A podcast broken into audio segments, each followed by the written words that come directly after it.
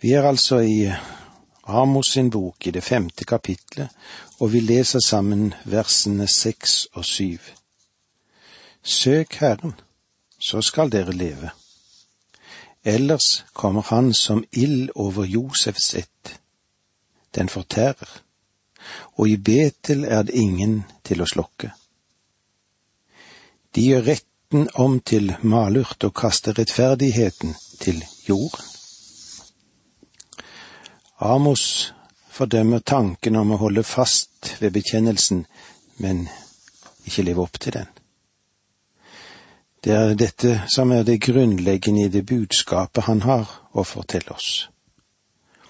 Og merk deg at Gud måtte bringe Amos helt fra sydenden i riket og helt nord, for å ha en mann på stedet som var modig nok og ydmyk nok til å bringe frem et sant budskap. De betalte predikantene der oppe i Betel og Samaria sa bare det folket ønsket at de skulle få lov til å si, og det som de skulle høre på. Det er noe feil når en prekestol bare blir en gjenklang av det som en menighet tenker. Paulus skrev til Timotius, slik som det står i andre Timotius fire, versene tre og fire for det skal komme en tid da folk ikke lenger kan tåle den sunne lære, men slik de finner det for godt, skal de ta seg lærer i mengdevis, for de vil ha det som klør i øret. De skal vende sitt øre fra sannheten og holde seg til myter. Menneskenes øre, de klør etter å høre noe søtt og noe som er hyggelig og de kan klappe en predikant på skulderen og fortelle ham hvor søt han er, så lenge han blir uduelig til å bære frem det budskapet som han mest av alt burde bære frem, og det som folket burde lytte til. Folket i Israel de ble fornærmet over Amos, at han i det hele tatt kunne antyde at de ikke var så veldig religiøse, at de ikke var så veldig fromme men dette var altså et budskap som var rettet til dem. Vers åtte Han som skapte sjustjernen Orion, han som gjør stummende mørke til morgen og dagen til svarte natt. Han som kaller på havets vann og øser det utover jorden. Herren er hans navn. Igjen må vi få lov til å understreke at dette er Guds mektige kall til datiden, og eh, kanskje også i vår tid. Gud er langmodig. Gud er langt mer langmodig og tålmodig enn vi vil ha det til, og iallfall slik som jeg er, eller ville ha vært. Og jeg har for lenge siden funnet ut at jeg trenger sannelig å lære å være tålmodig med Guds tålmodighet. Det finnes ingenting som hans langmodighet og Guds tålmodighet. Han som skapte sjustjernen og Orion. Orion er et av de mange himmelkonstellasjoner, og det var også velkjent for dem som Amos talte til. Han som gjør stummende mørke til morgen og dagen til svertende natt. Han som kaller på havets vann og øser det ut over jorden.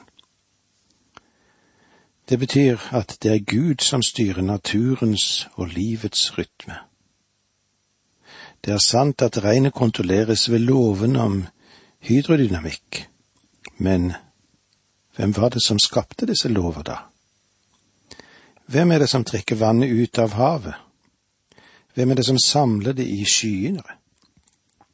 Og hvem er det som flytter disse skyene med vinden til de kommer til det rette sted, og så utløses regnet? Amos svarer, Herren er hans navn. Faktisk så sier han til Israels folk, Dere har vendt dere til avgudene og det liv dere fører er ingen anbefaling for troen på den levende Gud, Han som dere bekjenner. den levende Gud som også er skaperen. Versene ni og ti. Han lar undergang lyne over borger. Han lar festninger styrte i grus. De hater rettens talsmenn på ting og avskyr dem som taler sant. De hater retten talsmenn på tinget. Tingstedet var ofte de store byportene. Her var tinghuset, og her ble retten satt. Gjennom hele Bibelen vil du finne at dommerne satt i porten.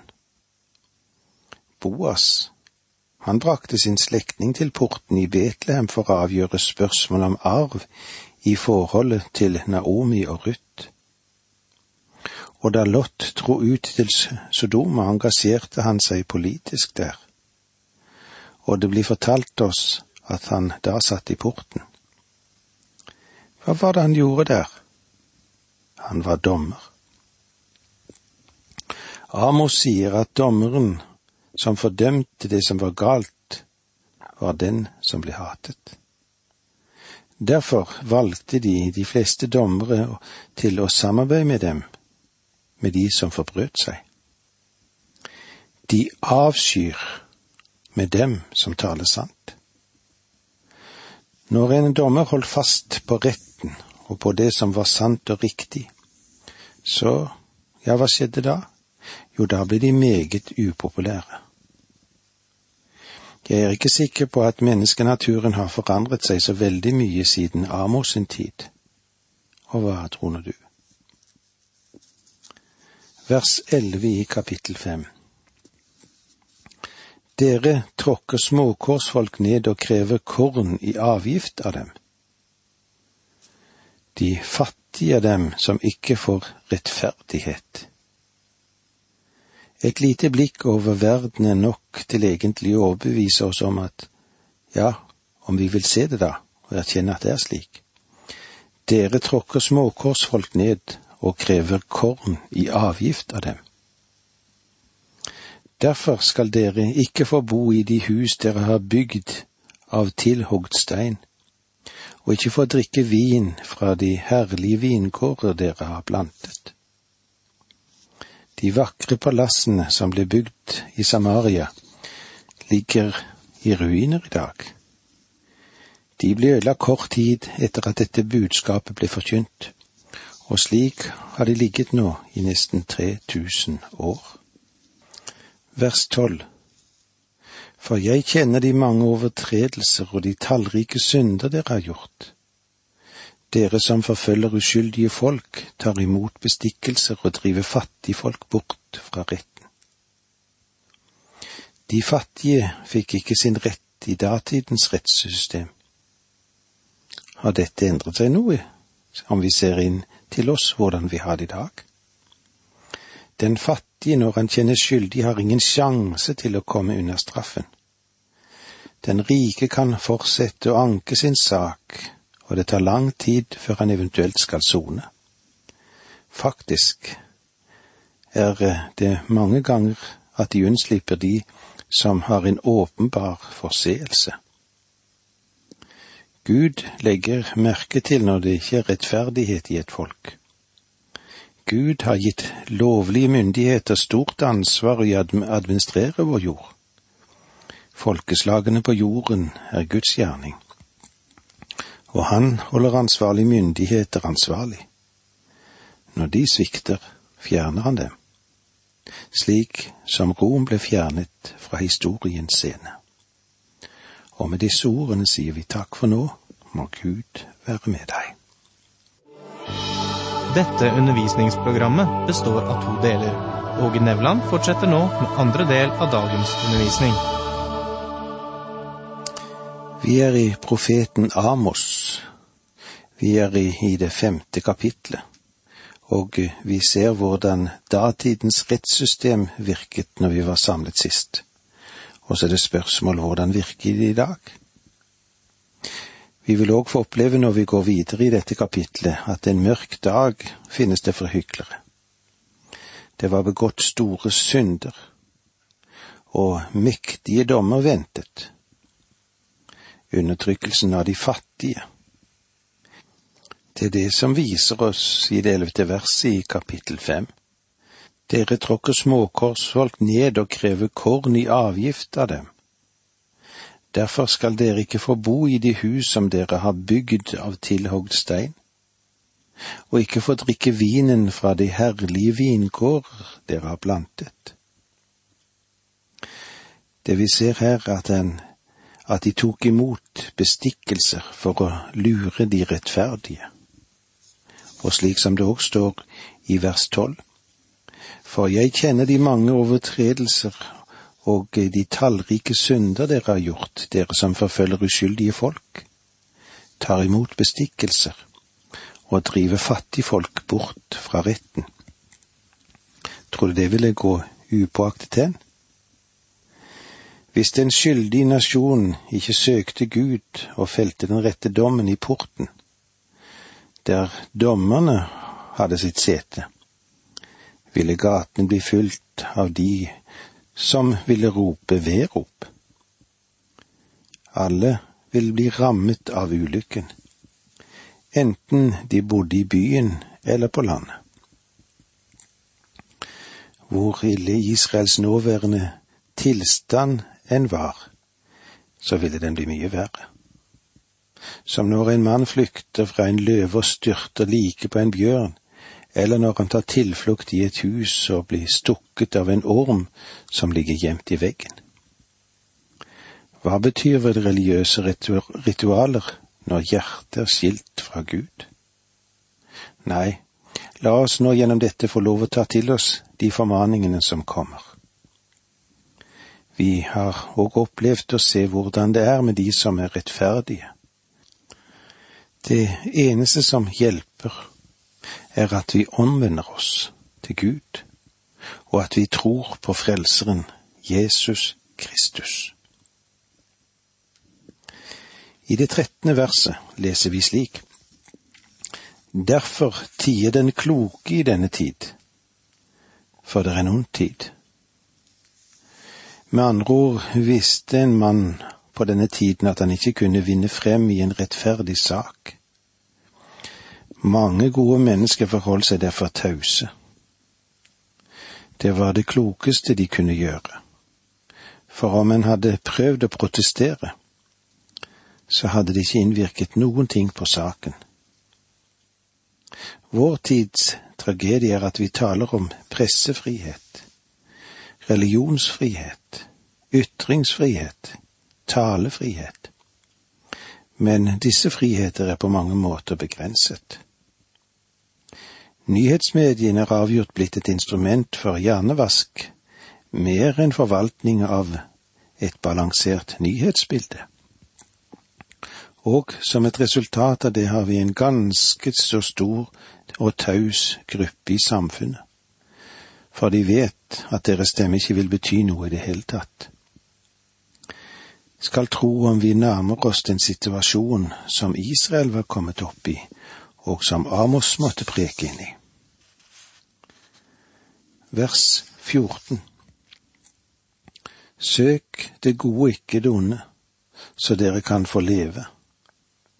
Da skal Herren allers Gud være med dere, som dere sier. Igjen kaller Herren på Israel for at de skal vende seg om til ham. Vers 15 Hat det onde og elsk det gode. Hold retten høyt på tinget. Så vil kanskje Herren allers Gud være nådig mot Josefs rest. Dette er et grunnlag for at de demokratiske samfunnsforhold skal kunne fungere på en riktig måte. Demokratiet har også sin bakside, og den øker om ikke den innebygde rettsbevisstheten i folket fungerer på en rett måte. Så vil kanskje Herren all, allherrs Gud være nådig mot Josefs rest. Med andre ord så sier Amos, der finnes en liten sjanse, der er i alle fall et lite håp. Og nå vil Amos bevege seg inn på et nytt område. En advarsel som går på den kommende dom, Herrens dag. Vi leser sammen versene 16 og 17.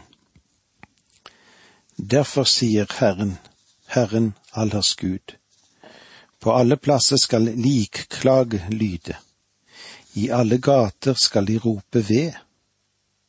De skal kalle bonden til sørgehøytid, sende bud på folk som kan gråte og klage.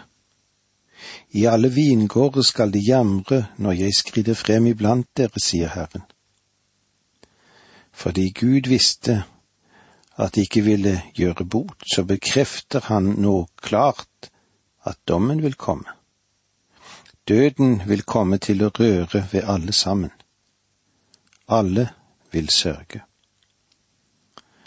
Vers 18 Ved dere som lengter etter Herrens dag, hva vil dere med Herrens dag? Den er mørke og ikke lys. Det var mange mennesker som på fromt vis så at de lengtet etter Herrens dag. Amos uttrykker dette med det svaret som òg kom frem her, ved. Ved dere som lengter etter Herrens dag. Mennesker også i vår tid sier, tenk om Herren bare ville komme. For en del er det bare from prat, dette for dagen kommer ikke til å bli så trivelig som de tror. Amos, han bruker uttrykket her Herrens dag. Det var Joel som introduserte dette temaet i profetiene, og alle profetene etter han har noe å si om denne dagen. Det finnes mange mennesker som har ment at Herrens dag henviser til tusenårsriket. Det var en tid jeg var av samme oppfatning. Men Joel, han var meget omhyggelig, og det vil vi også se at Amos er. Han sier det at Herrens dag ikke er en lys, men en mørk dag. Herrens dag begynner med dom og beveger seg frem mot Kristi komme for å opprette sitt rike her på jord. Det finnes en del bibeltolkere som er av den oppfatning at israelsfolket var begynt å bli kynisk og latterliggjorde Herrens dag. Det møter jeg ikke her. Jeg kan ikke dele den tolkningen her hos Amos. De holdt seg til det mosaiske ritualet, men de tilba også avguder. Dette var bare en tom religion for dem, som, ja, det kan vel hende at det er slik for noen også i dag. Dette er ikke livsviktig. Ingenting virkelig som ritualene er uttrykk for. Ingenting. Og kanskje grunnen til at mange gudstjenester virker døde, er at det er ingenting mer enn et ritual, og da er det farlig. Det kan være vakkert. Kanskje det appellerer både til øynene og ørene, men så kommer spørsmålet, forandrer det noe liv?